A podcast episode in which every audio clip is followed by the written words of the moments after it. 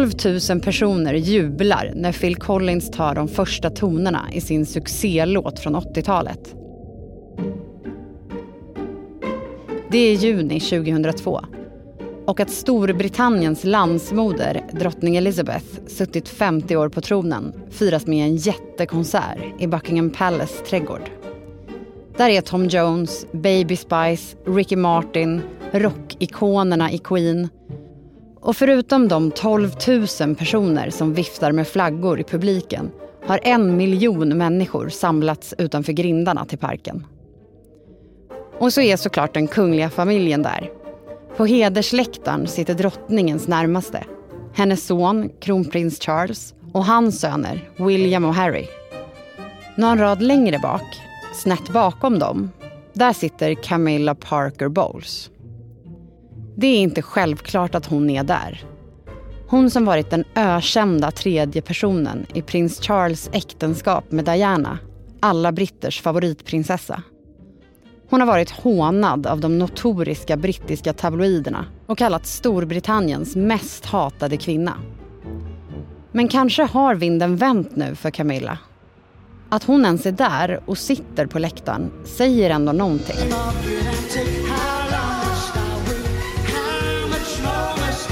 Eh. Och när Phil Collins står där på scen och sjunger kan man tänka sig att Camilla känner igen sig i texten där han frågar sig Hur länge kan jag vänta? Hon ler när hon sjunger med i refrängen.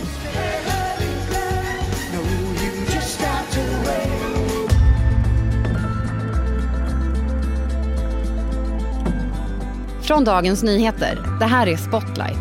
Idag om Camilla Parker Bowles. Från hatat tredje jul till drottning av Storbritannien.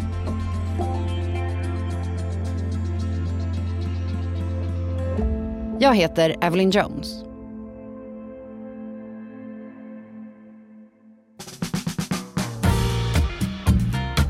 De träffas i början av 70-talet. Camilla Shand och Charles, prinsen av Wales. Historierna går isär om hur de träffades första gången. Var det en gemensam kompis som sammanförde paret över en drink i sin lägenhet i London? Eller var det på en fest efter en hästpolomatch? En sak är i alla fall säker. Charles faller pladask för den charmiga och sociala Camilla. De tillhör en liten vänskapskrets där många har varit ihop med varandra i den här typen av aristokratisk miljö i jakten på en perfekt match att gifta sig med men också ett, ett gäng som har väldigt roligt. Katrin Marsall, du bor i Storbritannien sedan många år och skriver för DN, ibland även om det brittiska kungahuset. När Charles och Camilla träffas, är det då kärlek vid första ögonkastet? Ja, och precis som i sagorna när det blir kärlek vid första ögonkastet så finns det problem också.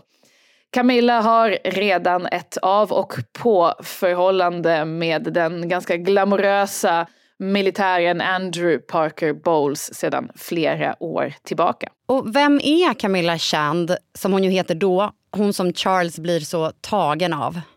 Ja, hon är en del av societeten i det här landet. Hon har gått i alla de finaste skolorna i England och i Schweiz. Hon är 25 år när hon och Charles träffas och hon bor i London där hon delar lägenhet med en kompis. Hon jobbade ett tag som receptionist på en känd inredningsfirma. Det är den typen av jobb som ansågs vara lämpliga för flickor eh, ur hennes typ av bakgrund.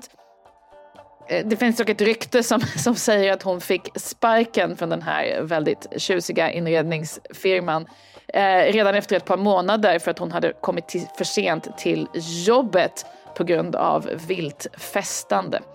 Det är sån Camilla är eller sägs vara de här åren och kronprinsen Charles han är då trots sin, sin ställning rätt inåtvänd och ganska lite ganska blyg och Camilla då som han faller pladask för är mer öppen och, och fartfylld och, och väldigt populär. Så han faller pladask men varför blir det då inte de två? Kärlek handlar ju mycket om timing och timingen finns bara inte där. Charles är velig och kungahuset tycker att det där att Camilla har haft pojkvänner eller har pojkvänner är ett problem. Uh, Charles främsta rådgivare i, i, livet måste man väl ändå säga, hans farbror Lord Mountbatten som är hans gudfar uppmuntrar honom definitivt att ha en fling med Camilla. Han ska passa på att så sin vildhavre medan han är ung, tycker Lord Mountbatten. Och samtidigt oroar man sig inom kungahuset för att om det blir seriöst med Camilla så kommer hennes tidigare pojkvänner kanske prata med pressen. Och det passar sig förstås inte. Många tänker att Camilla kanske inte är giftas material trots sin fina bakgrund. För som en eh, brittisk historiker uttrycker saken The future queen must have no past. En framtida drottning kan inte ha något förflutet, vilket förstås inte gäller för män. Ja, för det här är ju 1970-talet, men det låter ju mer som 1800-talet. Ja, för att det är väl 1800-tal i Buckingham Palace på 1970-talet.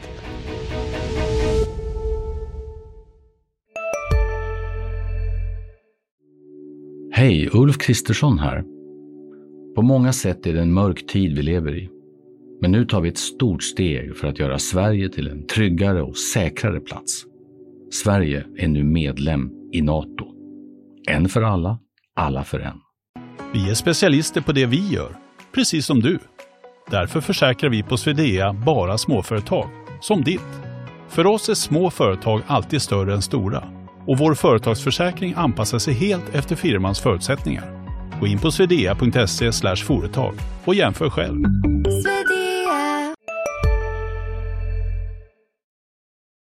Alla vet att Camilla Parker Bowles och Charles träffas.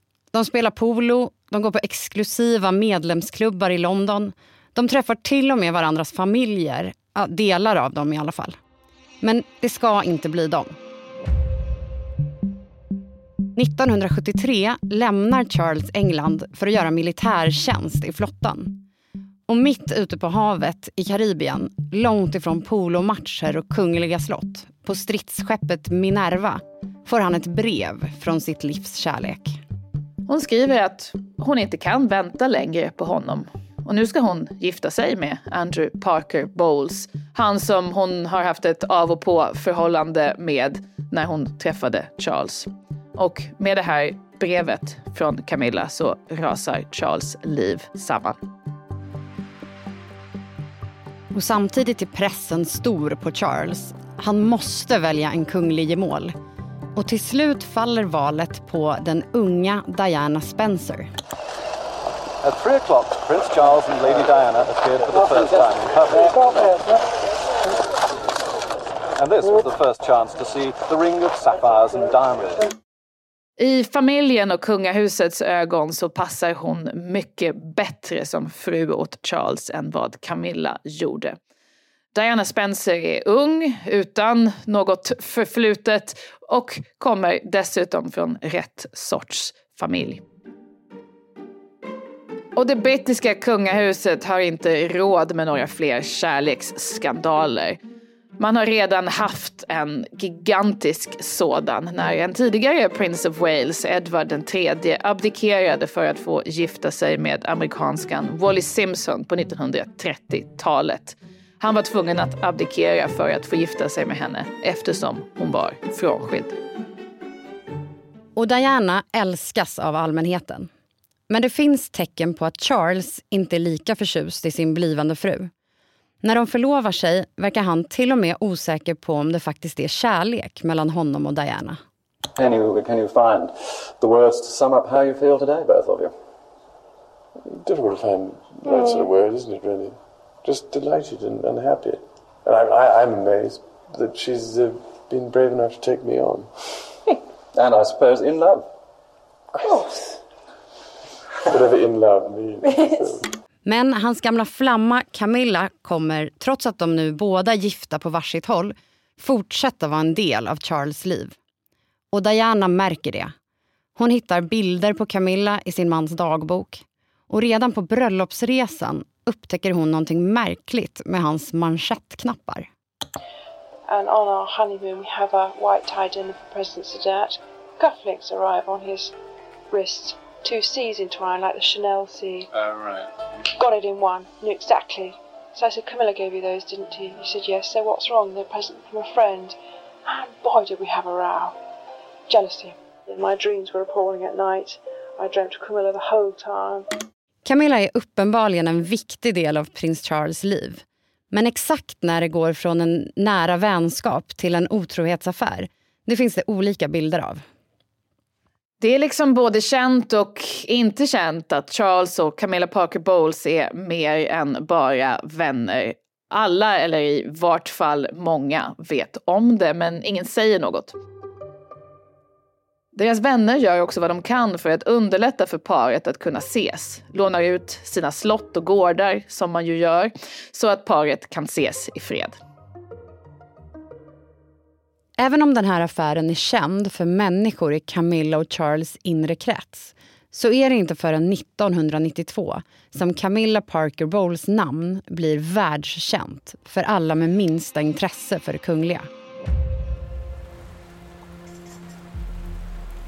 Kameror blixtrar i det nattliga regnet utanför Middlewick House där Camilla Parker Bowles bor tillsammans med sin familj.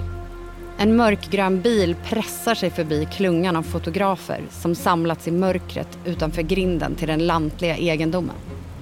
En chaufför kör och i baksätet, gömd under ett par filtar, ligger kronprinsen, Charles, och gör sitt bästa för att inte bli sedd. Den brittiska pressen har fått nys om att han är hos Camilla och ska sova över. Alla vill bekräfta affären, som inte längre är så hemlig. En bästsäljande biografi om prinsessan Diana har gjort kärleksaffären till hett nyhetsstopp. Men det är mörkt ute och svårt att se. Bilen tar sig förbi kamerablixtarna och försvinner bort i mörkret mot Charles kungliga lantresidens Highgrove som ligger bara en mil bort. Och det räcker inte med avslöjandena i boken. 1993 då får allmänheten en intim inblick i Camillas och Charles relation. Väldigt intim.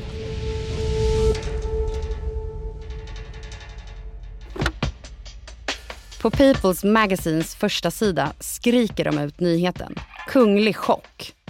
De har avlyssnat ett samtal mellan Camilla och Charles och Tampongate blir en jätteskandal. För i det förtroliga samtalet mellan dem säger Charles att han önskar att han var en tampong så att han hela tiden skulle kunna vara nära Camilla. Skriverierna blir intensiva och det sägs till och med att Charles gått till sin mamma, drottningen och bett henne hoppa över honom i successionsordningen så att han ska slippa pressen. Att hon alltså ska göra hans tioåriga son till kronprins. Men det här tampongsamtalet som nästan knäckte den brittiska monarkin är faktiskt inte del av något flåsigt telefonsex. När man läser hela det här berömda samtalet mellan Charles och Camilla är det uppenbart att den berömda tampongkommentaren faktiskt är mer av ett skämt. För det här är ett par som flörtar och samtidigt slänger käft med varandra. Vad engelsmännen brukar kalla för banter. Det hela är faktiskt en gullig, intelligent och ganska rolig konversation mellan två personer som redan då har känt varandra i 20 år. Ingen verkar dock ha kunnat se den uppenbara romantiken i det här samtalet. Istället framställs Charles och Camilla som perversa och pinsamma. För folk som inte ser ut som fotomodeller kan ju inte ha ett sexliv. As of this evening at seven o'clock I hereby renounce my claim to the throne of England so that I may be free to live as a tampon in the trousers of the woman I love. I shall have to be greatly reduced in size. And I realize that where I am going will be in many ways a dark and frightening place. Och nu blir Camilla medias favorithatobjekt. Man skämtar om henne i tv och det som skrivs i tabloiderna är verkligen brutalt. Brutalt och fruktansvärt sexistiskt. Varför ligger Charles med en ful kvinna när han är gift med en av världens vackraste? Det är det övergripande temat för bevakningen i den brittiska pressen. Och budskapet är mycket tydligt. Camilla är den typ av kvinna som du är otrogen mot, inte med. En brittisk tabloid publicerar Camillas ansikte bredvid bilden av en häst och frågar retoriskt vem läsaren helst skulle vilja ligga med. Ja, att läsa brittisk press från den här tiden är faktiskt en fascinerande studie i kvinnohat. I allmänhetens ögon är Camilla skurken, Diana är offret. Och medan Camilla hanterar situationen som hon alltid gjort, genom att tiga, så genomgår Charles och Diana en högljudd separation och till sist en skilsmässa. Och Diana säger några bevingade ord. De som ska bli omvärldens dom över vad som gick fel i det kungliga äktenskapet. Do you think Mrs Parker Bowles was a factor in the breakdown of your marriage? Well, there were three of us in this marriage, so it was a bit crowded. 1995 skiljer sig även Camilla från Andrew Parker Bowles. Och nu vill prins Charles att de ska kunna bli ett par offentligt.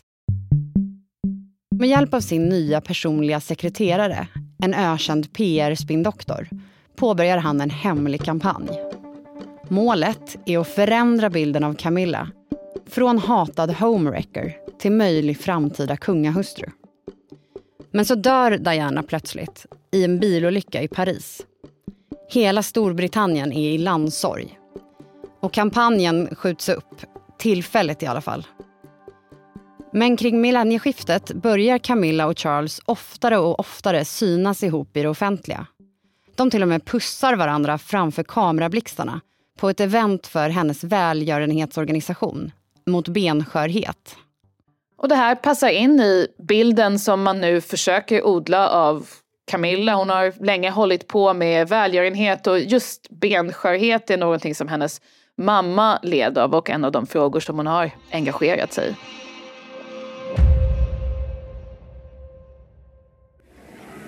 Here he is. There he is. His Royal Oh, Highness. taking his arm.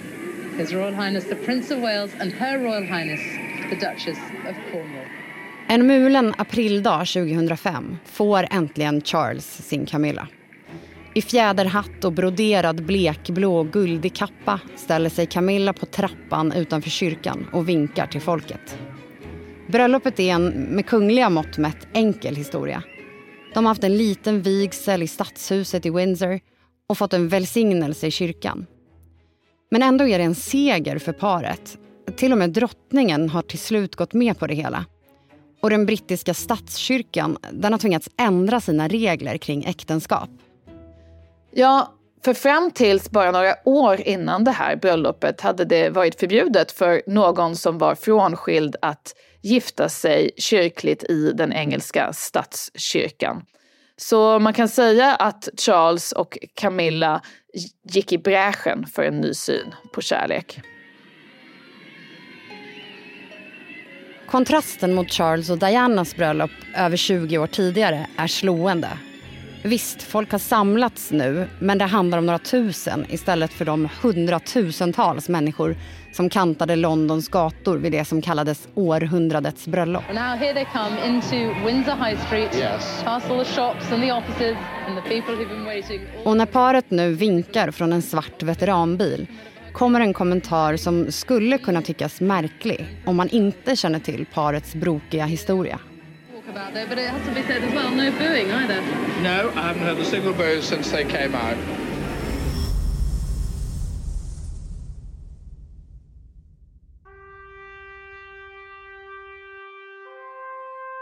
To my darling Mamma, as you begin your last great journey to join my dear late Papa, I want simply to say this. Thank you. Drottning Elizabeth är död efter 70 år och 214 dagar på den brittiska tronen. Storbritannien är i sorg. Nationalsången God Save the Queen ändras nu till God Save the King. Och han som står näst på tur i tronföljden är prins Charles. This is also a time of change for my family. Nu håller han tal till nationen från ett skrivbord på Buckingham Palace. I count on the loving help of my darling wife, Camilla, Nu kastas Camilla återigen in i strålkastarljuset. Hon som ansågs opassande som framtida drottning kan nu bli just det. In recognition of her own loyal public service since our marriage 17 years ago, she becomes my queen consort. I know she will bring to the demands of her new role the steadfast devotion to duty on which I have come to rely so much. Nu blir hon alltså Queen Consort, drottning gemål. En titel för den som är gift med en regent. Så Katrin, vem är Camilla idag i offentligheten? Ja, sen hon gifte sig med Charles har hon tagit sig an ett nytt liv med mycket kungliga plikter och en ständig ström av nya kungliga uppdrag. Tidigare så har hon ju inte jobbat och inte varit intresserad av någon karriär. Hon har haft sina välgörenhetsuppdrag och uppfostrat barn. Står mycket nära sina barnbarn sägs det. Men hon verkar passa in och trivas i sin nya kungliga roll. För när man idag frågar någon av, eller många av de brittiska journalister som bevakar kungafamiljen mer eller mindre på heltid om vem de gillar bäst så är det ganska många som faktiskt svarar Camilla. Varför då? Ja, hon har ett rykte om sig om att vara först ut på dansgolvet, inte bli sur på fotografer, vara en person som liksom blinkar ironiskt när Donald Trump går förbi. Och med tanke på vad som har hänt de senaste åren med hennes bonusson Harry och hans fru Meghan och deras krig mot den brittiska pressen och skilsmässa från kungahuset så säger Camilla väldigt lite om sitt privatliv. I intervjuer pratar hon mest om välgörenhet och eh, ja, hon är nästan som kungligheter var förr i tiden. Alltså äter du i duschen? Nej, det gör jag verkligen inte. Men alla gör ju det nu. Duschsnacks, Frans. Vilka är alla? Ja, men alla på TikTok och bloggar och allt möjligt. Så det är, de har en tallrik i duschen och så är det lite så här oliver och ostbågar typ. Nej men gud, tapas. Där drar jag gränsen. Jag, jag kan sträcka mig till duschöl. Men annars så får man torka sig innan man hugger in på godsakerna. Ja, men lyssna på Nära vänner, en podd med mig Fanny och dig Frans med Expressen. Viktiga nyheter. Hej, Synoptik här. Hos oss får du hjälp med att ta hand om din ögonhälsa. Med vår synundersökning kan vi upptäcka både synförändringar och tecken på vanliga ögonsjukdomar. Boka tid på synoptik.se.